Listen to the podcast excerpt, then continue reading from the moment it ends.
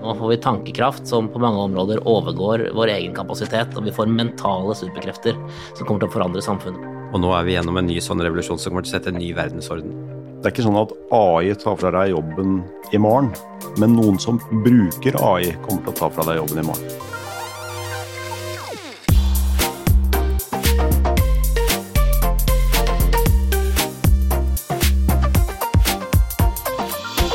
Skal vi lykkes i morgen, må vi ta gode beslutninger i dag. Derfor har vi invitert noen av landets mest toneangivende mennesker for å snakke om temaer vi vet vil forme våre liv fremover. Dette er I morgen, en podkast fra oss i McKinsey Norge. Jeg heter Kor Skustani, og i dag skal vi snakke om et tema som allerede har påvirkning på fleres liv, nemlig kunstig intelligens, også kjent som AI. Mange av oss har for moro skyld testet ut chat-GPT når vi skal holde taler eller skrive gratulasjoner, men teknologiekspertene kaller utviklingen innen generativ AI likevel en revolusjon. Men hvis det er en revolusjon på gang, når går egentlig generativ AI fra å være nytt og gøy til å bli så nyttig og lønnsomt at vi faktisk begynner å se store endringer og effekter? Eller er sannheten at vi egentlig allerede nå er godt i gang? For å diskutere det har vi samlet Bjørn Olstad fra Microsoft, Sven Størme Taulo fra Skipsted og vår egen AI-ekspert Sverre Fjelstad fra McKinseys Oslo-kontor. Velkommen til dere. Tusen takk. Takk. Takk for det. Sverre, helt eh, innledningsvis. Vi pleier jo ofte i denne podkasten å starte med å vise til et McKinsey-tall for å forklare omfanget av eh, en trend eller en større næring. Det ville ikke du gjøre i dag. Nei, Koris, jeg hadde ikke noe lyst til å gi deg noe tall i dag. eh, For nå snakker vi om dyp teknologi, altså teknologi som treffer utrolig bredt. Egentlig innenfor alt det vi kaller for kunnskapsarbeid. Og så er det på et temmelig tidlig stadium ennå, det vokser jo eksplosivt. Så det er vanskelig å ekstrapolere en trend til å gi et tall som noen kan egentlig få noe fornuftig ut av. Eh, Så akkurat i dag så, så gjør vi ikke det. Jeg kan heller prøve å sette det litt i historisk perspektiv. Så hvis vi går eh, 10 000 år tilbake i tid, eller noe sånt, nå, så lærte menneskene seg å temme naturkreftene. Vi kunne eh, dyrke jorda og få mat, og vi kunne få dyra til å trekke plogen, og vi kunne bruke ild til noe konstruktivt, eh, ikke sant. Eh, Da vi fikk dampmaskinen, så fikk vi i praksis superkrefter. Fysiske superkrefter som overgikk vår egen muskelkraft og dyrenes muskelkraft. Og det vi ser nå, er at vi begynner å få eh, det samme på mentale krefter. Altså nå får vi tankekraft som på mange områder overgår vår egen kapasitet, og vi får mentale superkrefter som kommer til å forandre samfunnet på måter som vi kanskje ikke helt ennå overskuer. Men det vi faktisk vet, er at potensialet er, eh, er der fordi teknologien vil, som du sier, forbedre vår kapasitet på i hovedsak da tre forskjellige områder. Ja, litt mer spesifikk går det an å bli, og jeg tror ett område er på automatiseringssiden. Eh, Så mange av de kjedelige og repetitive oppgavene som ikke før lot seg automatisere fordi de krevet en form for intuisjon eller skjønn, det kan vi nå erstatte med store nok datamengder til å, hva skal jeg si, mimike intuisjon. Eh, Så vi kan automatisere mer. Eh, Vi kan også, hva skal jeg si, forbedre menneskets egne evne ved å egentlig skape et nytt grensesnitt mellom oss og maskinene. Altså Nå kan vi jo nesten snakke med maskinene i, i klarspråk. Eh, det betyr at hver og en av oss kan få mer gjort eh, for å øke produktiviteten. Altså Et eksempel er jo programvareutvikling, hvor vi ser dette ganske bredt i bruk allerede. Så har vi det vi kaller for akselerasjon, eh, og det handler mer om å forkorte eh, tiden det tar å forbedre en idé eller forbedre et produkt. Så du kan si at du opererer med kortere sykler. Altså dette har vært brukt, i, særlig Pharma har brukt denne type teknologi i ganske mange år allerede, før det ble kjempevanlig, for å generere nye molekyler som kan ha en eller annen form for effekt på en klinisk tilstand. Eh, Og de klarer å teste da, ikke sant, titusenvis av molekyler for å finne ett som faktisk kan funke. Og så vet vi vel noe om eh, hvilke industrier og tjenesteområder som kanskje først og størst vil bli påvirket. Altså her har vi jo en teknologi som faktisk kan skape noe nytt. Eh, og det mange har prøvd, er kanskje tekst. Noen har kanskje prøvd å skape nye bilder, men vi snakker også om eh, lyd og eh, musikk og video, eh, programkode, mange forskjellige områder. Så for industrier hvor det å skape noe nytt er sentrale, f.eks. i media, underholdning, kanskje reklamebransjen, så kommer dette her til å være liksom fundamental endring. Eh, For mange andre bransjer så vil det kanskje være mer enn noen funksjoner, sånn som kundeservice eller markedsføring eller eh, forskning og utvikling, som kommer til å bli annerledes, men selve kjernevirksomheten er lik enn så lenge. Bjørn, du har eh, jobbet i eh, Microsoft i Ja. over eh, 15 år. Et av Ja. verdens mest eh, kjente selskap og brands, men nå særlig i vinden som eier av OpenAI, som står da bak språkmodellen ChatGPT. Og da jeg spurte om du ville gjeste denne podkasten, skrev jeg at vi ville diskutere når generativ AI vil gå fra å være gøy til å bli noe som virkelig er nyttig, lønnsomt og medfører store endringer og effekter. Så svarte du ganske kontant at dette var feil, for dette punktet var allerede passert. Kan du utdype det litt? Altså AI har jo vært en prosess som har holdt på i lang tid. Eh, Vi har investert hardt i det i tiår, kanskje. Men så er det noen sånne magiske tidspunkt hvor uh, product truth, som man sier nede i Telemark, kommer over en viss grense. da, At det blir magisk, og det blir tilgjengelig for alle, og vi har passert noen slike. Men jeg har allerede vært inne på det. De viktigste kunnskapsarbeiderne i den digitale verden er jo programmererne. Mm. Og nå skrives annenhver kodelinje skrives av AI og ikke av programmererne. Så de har løftet seg opp til å gjøre mer meningsfylt eh, arbeid. Så dette mønsteret ser vi alle steder. Og hva er det som gjør at vi bare på egentlig ett år snakker helt annerledes om generativ AI enn vi gjorde i fjor? Ja, eh, dere har sett eh, Vi har spurt i noen konferanser så har vi spurt hvor mange har prøvd eh, ChatGPT, Bing osv. Eh, I de siste konferansene har jeg ikke fått en eneste som har rekt opp hånda og sagt at jeg ikke har prøvd det. Mm. Og det vi vet, er at uh, i, uh, universitet, i skolesystemet, så er det hver tredje student ikke bare har prøvd det, men bruker det daglig. Altså det har blitt et operativt verktøy som man Mm. bruker i daglig, daglig arbeid. Det er ingen tjenester som noensinne har fått så rask oppslutning, nådd 100 millioner brukere så raskt.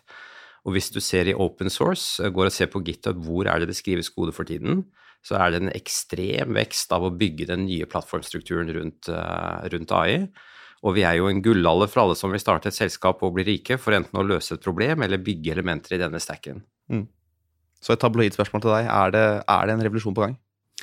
Det er en revolusjon hvis du tar i, i vårt område, da, hvis du tenker på Office-pakken, Outlook, Teams osv., så, videre, så har det vært noe som eh, vi ser på mennesker som prøver å samhandle. eh, skape ting, snakke sammen, uh, samhandle osv. Og, så og så har vi lagret alle disse tingene og kunne gjort de søkbare, og så har vi tatt de opp i Word og PowerPoint og i Outlook osv. Men vi har egentlig ikke forstått hva de snakker om. Hvem er de som snakker, hva prøver de å gjøre, hva er det de skriver, hva prøver de å få til?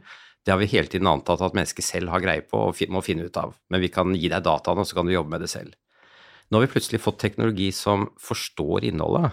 Så kun starten av en revolusjon ennå. Vi er kun i starten av en revolusjon, ja. Sven, du er eh, data- og teknologidirektør i det store nordiske mediekonsernet Schibsted. I tillegg så er du styreleder for det norske forskningssenteret for AI-innovasjon, NORW-AI. Hva tenker du? Er eh, dette så langt fremme at det både er lønnsomt og nyttig allerede? Ja, det, det er jo sikkert deler av verdikjeden som ikke er så lønnsom. Eh, Det kan vel OpenAI og Microsoft underskrive på når det gjelder liksom hvor mye kraft som skal brukes for å generere et svar når man sender inn en prompt. Men det er klart at eh, anvendelsen av dette er i, i høyeste grad lønnsom på ganske mange områder. Og vi Schibsted sitter jo på, mer på mottakersiden applied. ikke sant? At Teknologiselskapene har jobbet med dette i ti år. Eh, nå er det liksom en virkelig en sånn forløsning av alt det arbeidet som har blitt gjort. Eh, og så er det selskaper som oss, som, eh, som Sverre sier, medieselskapene er igjen eh, de første til å, å kjenne på dette trøkket, kanskje i tillegg til utdanningssektoren. Eh, og, her, og da bruker vi dette allerede i ganske høy grad. Vi har et, et eksempel. Um, snakket med en forsker på et annet AI-senter faktisk i Bergen som kom til oss for en, et år tilbake. og Så sa han visste dere at teknologien Whisper nå fungerer ganske bra på norsk? Nei, det visste vi faktisk ikke. Og så implementerte vi og, og open sourcet også teknologien for å kunne rett og slett automatisk transkribere videoer og lyd for våre journalister. Og nå har vi spart innen de siste tre månedene rundt 5000, jeg tipper det er 5800 timer journalistisk arbeid som er rett og slett en, en jobb som ikke er spesielt spennende. ikke sant? Og da kan de da bruke det på det som er verdiskapende, nemlig som er god journalistikk. Mm. Så absolutt eh, noe som er lønnsomt, men man må liksom bruke det på de use casene man ser er, er, er viktige og riktige. Og så er det jo selvfølgelig mange caser ja, hvor de ansatte bare rett og slett bruker det Mm. til daglig. Så litt av grunnene til også å bruke AI i økende grad de chipset der, også for å følge trenden, og ikke fordi at det er et stort behov for det. Ja, høna og egget. Det er som tech-gjengen har holdt på i ti år og punche ut denne teknologien. så er det liksom, Vi har ikke visst at vi trengte det før vi så det. og Når Mm. forbrukerne omsider så det da ChatGPT kom, folk hadde jobbet med OpenAIs og API-er i lang tid, så plutselig så sier nå trenger vi det. Altså hvis du sier er det nyttig å forstå tekst, er det Mm. nyttig å forstå bilder, er det nyttig å forstå video?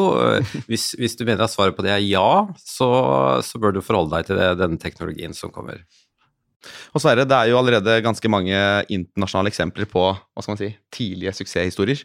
Hvilke eksempler syns du er eh, mest spennende av det du har lest og sett? Ja, kanskje det morsomste jeg så, det var en Twitter-tråd. Eh, Litt til ditt poeng at nå er tiden for å starte selskaper. Det var en fyr på en Twitter-tråd som eh, spurte ChatGPT, eller GPT4 tror jeg, eh, om eh, hva han kunne gjøre med 100 dollar. Eh, Og fikk beskjed om at jo, da kunne han jo lage en affiliate marketing-webside. Så fikk han jo da den til å generere all koden og få opp den websiden og skrive all content. Eh, Og nå er jo den oppe og går og har 10 000 følgere og genererer eh, inntekter. Hva er det generativ AI ikke kan brukes til i til etterpå? Jeg vil ikke tatt i bruk i områder hvor du ikke kan tolerere feil, og du ikke klarer å håndtere feil på en eh, god måte, som kan være f.eks. i helse, hvor du tar eh, liv og død-beslutninger. Jeg vil ikke bruke det der du må enten juridisk eller omdømmemessig stå for det du produserer. Så du kan eh, ta hjelp av en modell til å generere en tekst eller en video eller hva som helst, men eh, står du som avsender, så står du som avsender, og da gjør de en sjekk på slutten. Ja, det er jo der hvor fakta er viktig, og jo mer større konsekvens av de faktaene er feil, eh, jo mer skal du holde deg ganske godt unna. Eller i hvert fall som vi gjør, putter en man in the middle, som alltid sjekker ut, eller kan følge opp et spørsmål og gjøre kryssjekk. Men det er klart at eh, hvis vi går litt, over på utfordringer her som handler om det vi snakker om, om hva er eh, fake og hva er sant, så er jo liksom det som handler om trust, altså tillit, kommer til å bli mye, mye, mye viktigere enn noen gang. Og det å faktisk vite om det er et menneske eller en maskin som har produsert innhold, være seg tekst eller bilde eller video eller lyd, blir mer og mer viktig. Og jeg tror det som kanskje er en av de eh, hallusinasjonene vi har i Norden, for å bruke det begrepet i denne samtalen her, det er jo at det fins gode løsninger for å vite om et menneske er et menneske. Vi har jo løsninger for å autentisere og identifisere mennesker digitalt i Norge, Sverige, Danmark og Finland, men du skal jo ikke lenger enn til Frankrike før det ikke fins løsninger Mm. hvor du faktisk kan identifisere et menneske digitalt. Du kan ikke si at Sverre er Sverre eller at Bjørn er Bjørn. Og hvis du, hvis, hvis du ser på den ene tingen der, så er jo det er jo, akkurat nå er jo det dramatisk at man ikke kan gjøre det. Mm. Så jeg tror eh, dette med trust og hvor originerer noe fra, det blir fantastisk viktig og er ikke løst. Mm. Hvordan jobber dere med dette tillitsaspektet i Microsoft? og det? Ja? Nei, Først er jeg fullstendig enig med Sven. Jeg tror det er litt av nøkkelen til å klare å bygge systemer eh, framover. Eh, Her, her i Norge, da, til ditt opprinnelige spørsmål, så har vi jo en, liksom, eh, en historie med at når folk begynner å skøyte i langrenn, så syns vi det ser stygt ut og burde ikke gjøre det, og når noen begynner med V-stil i hopp, så syns vi det er fæle greier, osv. Og så er det noe over tid når ting kan løses på en mer effektiv måte. Så det liksom det da å stritte imot og løse det på en effektiv måte. Nei, vi skal gjøre eksamen, vi skal sitte og prøve å pugge facts, Mm. og se hvem av oss som er best til å pugge facts. Mm. Det er kanskje en litt bakstreversk måte å bygge liksom, pensumopplegget for de neste 20 årene. Men, men, jeg, men jeg tenker en annen del av det som er på utfordringssiden som er verdt å ta med seg, det er jo Vi diskuterte jo det i dag tidlig. ikke sant, at det er jo et faktum at da, da Wikipedia og internett kom, så var det jo sånn at eh, folk du kan ikke stole på det. Eh, og man leste det med kritisk blikk og sånne ting, og så har jo det blitt egentlig internalisert. Det er at alle barn vokser opp nå og går på skolen for å vite om Vis kildekritikk. Hvor kommer det fra? Hvem har skrevet det? Vær kritisk. Det er utgangspunktet for bruken av internett. Og nå sier vi å, disse språkmodellene de hallusinerer. Eh, Det er et problem, ja. Kanskje de bare fortsetter å gjøre det, men vi syns de er så praktiske at vi er villige til å ta på oss de brillene og si ja, de hallusinerer litt, men det kan vi akseptere, for den nytten av det er bra nok. Og så får jeg være kritisk på hvorvidt det som står der, er riktig på et kryssjekk, eller få løsninger som Bing. da, som Vi har hatt noen professorkolleger som resonnerte rundt eh, Når du er professor, så har du noen doktorgradsstudenter. Og det er helt magisk, fantastisk. Supersmarte folk som jobber steinært og helt gratis. Helt fantastisk. Eh, Og nå er det slik at vi alle kommer til å ha 10-20-100 gratis doktorgradsstudenter som kan gjøre hva som helst for oss. Mm. Hvordan skal du da jobbe hvis du har disse 10-20 gratisarbeidende, hardtarbeidende doktorgradsstudentene? Du er nødt til å løfte deg til et litt annet nivå. Du må gjøre noe litt annet enn det du har pleid å gjøre, hvis du har det. Og hva er ferdighetene som trengs for å gjøre det, istedenfor, som man ser i norsk presse, da, åh, det er en som har levert en stil som ikke fortjente den karakteren. Mm. Uh, at det er det som er problemet vårt. Det er litt sånn uh, spørsmålene faller på oss også, for våre klienter de spør uh, mye om det. Altså hvilken, hvilken type talent må jeg nå ha i organisasjonen min. Hvordan skal folk læres opp til å jobbe på en helt annen måte med denne teknologien?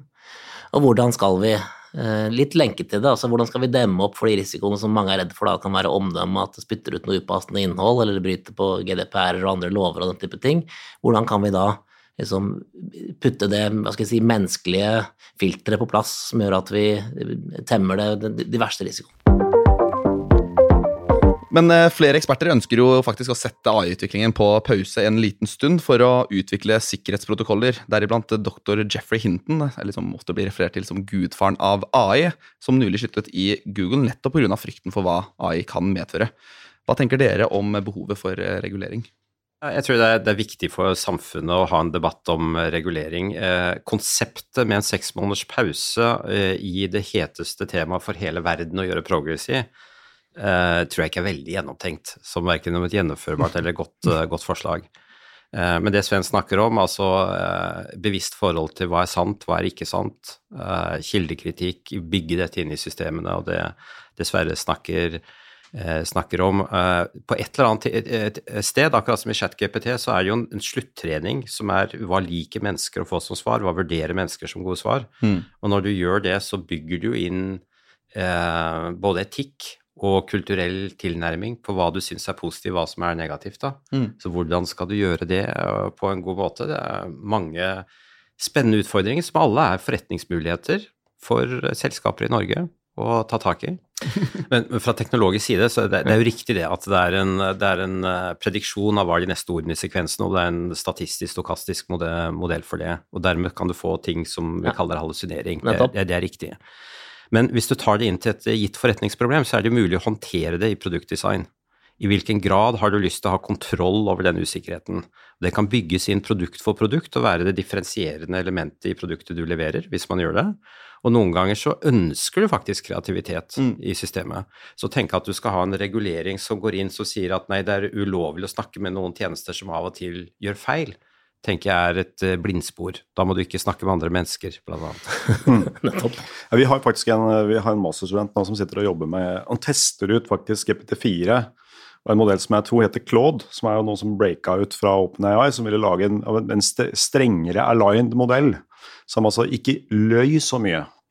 Og nå har vi rett og slett jobbet med den modellen for å se hvordan de responderer på Eh, på en test hvor vi tar et sammendrag fra en artikkel, og så sier vi eh, ta den artikkelen og så lager du et sammendrag som også har noe løgn i seg. Så vi, spør vi GPT4. Og så spør vi det samme til Claude. Og det vi, vi ser nå, at det er Claude vil ikke lyve. Sliter med å lyve. Presser den hele tiden med flere prompter, mens GPT4 lyver blankt ganske fort. Så liksom, dette her jo, handler jo om hvordan du styrer de modellene, og da er vi over på det som er jeg vil si er, er ganske viktig, men det er mer fra et politisk perspektiv. ikke sant? Altså hva, Per i dag så er det slik at vi styrer jo i veldig stor grad hvordan våre samfunn utvikles gjennom lærebøker. Det er Barna våre lærer det de lærer på skolen, det er det de tror er virkeligheten. Og Så får de selvfølgelig en del korreksjoner etter hvert, som det er mye mer sosiale medier, men det er utgangspunktet hvordan vi har styrt mennesker i et land. Mm. Nå flytter egentlig den type utdanning seg fra lærebøker til språkmodeller, hvis du ser på atferden til elever i dag. Det er personalisert utvikling på steroider.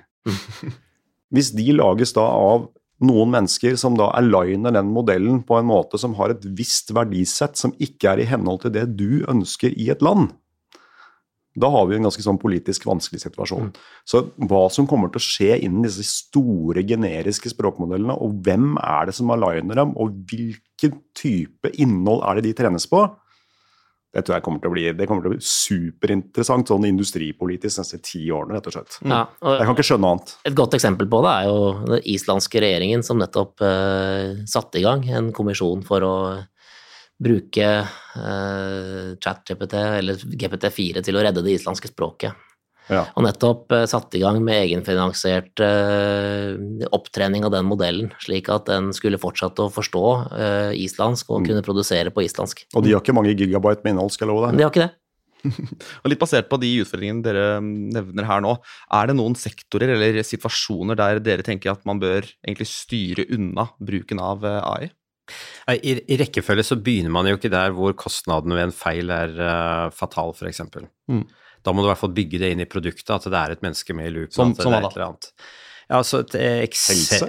Ja, altså hvis, du kjører eh, Altså autopilot i bil, bil er jo noe som det jobbes med, eh, men uh, hvis det ligger en stein i gata og det står et barn på fem år der, og det er en algoritme som bestemmer hva du kjører over, ikke sant det er fall det er ikke det første du klarer å release før du er liksom trygg på de tingene. Det samme i helse. Er det en beslutning som skal gjøres Det, det som har vært løsningen per i dag, er å si at eh, du må ha andre data for å, for å ta en beslutning. Du kan ikke stole på én type data i seg selv osv. Så, videre. så man gjør noen sånne måter for å komme rundt det. Eh, Men et bevisst forhold til dette, er, eh, hvilke feil kan opptre, hva er kostnaden av å gjøre feil, er de kommunisert og transparente godt nok så at mennesker kan bruke dem på en fornuftig måte? Eh, Det er helt avgjørende design av nye produkter. Da. Nei, altså, dette er jo nesten som uh, selvkjørende biler. Uh, så du må jo legge det juridiske ansvaret et eller annet sted, og det er jo litt sånn de har uh, begrenset det der. ikke sant? Det er sagt at ansvaret ligger på føreren, og føreren er en person. Sånn vil det være med oss som må jobbe med kunnskapsarbeid også.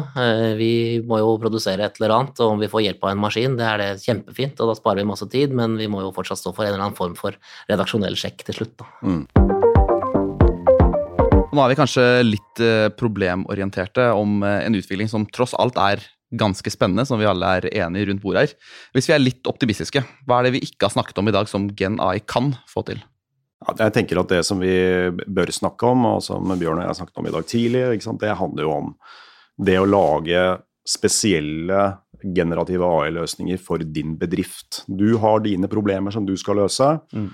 Eh, Du lager en basert på en språkmodell, eller basert på en, eh, dine egne data, så bygger du en språkmodell som, du, som løser ditt problem. Altså Det er ikke en gigantisk uh, GPT4-modell som koster milliarder å trene, men det er små modeller som kan løse dine problemer. Det kan ta vi har et eksempel. En liten kar i VG nå som sitter og holder på å lage Han har lyst til å lage en språkmodell som er ufattelig bra til å generere gode, gode overskrifter.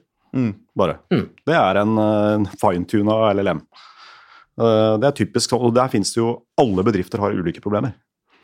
Det vet jeg at dere jobber en del med, Bjørn, men eh, det er typisk et område som jeg tror vil være veldig veldig kraftfullt. Hva tenker du, Bjørn? Jeg hørte et spennende foredrag tidligere i uka fra en professor i Agder som sa at eh, et u-land, hva var det i gamle dager? Jo, det var noen som produserte råvarer og sendte gummi til et annet land som produserte hjul som du ikke klarte å gjøre selv, og så kjøpte de tilbake igjen for eh, dyre penger.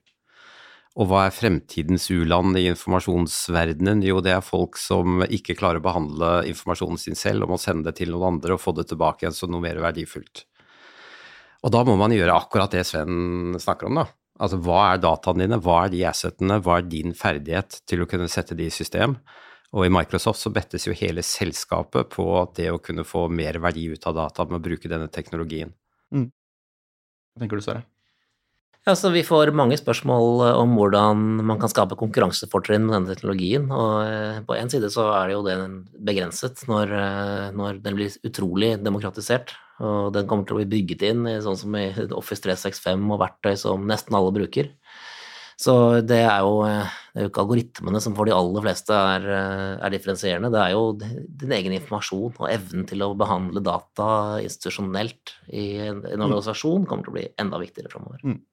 Bjørn, du nevnte jo litt tidligere at uh, generativ AI vil åpne muligheten for mange nye jobber. I hvilken grad bør man eh, vektlegge dette i opplæring og utdanning for å nettopp tilrettelegge for det i fremtiden? Eh, Vi så, et veldig morsomt eksempel som illustrerer litt spørsmålet ditt uh, internt i Microsoft. Det var en dame som hadde aldri programmert noe som helst, og satte seg som et mål at i løpet av en uke skal jeg klare å programmere en IOS-app og en webtjeneste som lager en bedre chat-opplevelse enn eh, ChatGPT. Aldri programmert en linje. Og setter seg ned og bare snakker med GPT4 og får hjelp på hvordan og får kode for å de deployet uh, den IOS-appen og laget en webtjeneste som uh, støtter det på baksiden. Og bare det eksempelet, da, altså istedenfor å ta fem år og lære seg mye språk osv., og, og sånt nå, til at du klarer å fra scratch klare å deploye en, en applikasjon og en webtjeneste og få det til å fungere og illustrere konseptet ditt med null kompetanse, det viser jo dette at man demokratiserer mange verktøy, bl.a. koding. Om det så er du er inne i Excel og ja, du kan skrive makroer og kan være dataanalyse og være god i statistikk for å skjønne dataene dine. Nei, du kan bare snakke med dem i naturlig språk og få kompetansen til de beste statistikerne til å skjønne dataene dine. Mm. Så vi demokratiserer jo det å skape verdi på et nivå som har vært forbeholdt de få. Og alternativet er jo ganske skummelt. Altså Hvis du tenker på eh, Vi har hatt begrepet the digital divide en stund. Men hvis du tenker på hva slags superkrefter du får med å bruke disse verktøyene, og hvilken forskjell det kommer til å bli mellom de som mestrer dette, og de som ikke tar det i bruk, eh, så kan vi virkelig få et A- og B-lag. Så det tror jeg kan være utrolig viktig at eh, alle prøver. Det tror jeg er en veldig viktig analyse, både på individnivå og på selskapsnivå og på samfunnsnivå. da. Hele verdensordenen i dag er jo satt ut fra hvilke land klarte å ta i bruk i den industrielle revolusjonen til å produsere ting mer effektivt. Og nå er vi gjennom en ny sånn revolusjon som kommer til å sette en ny verdensorden, da. Mm.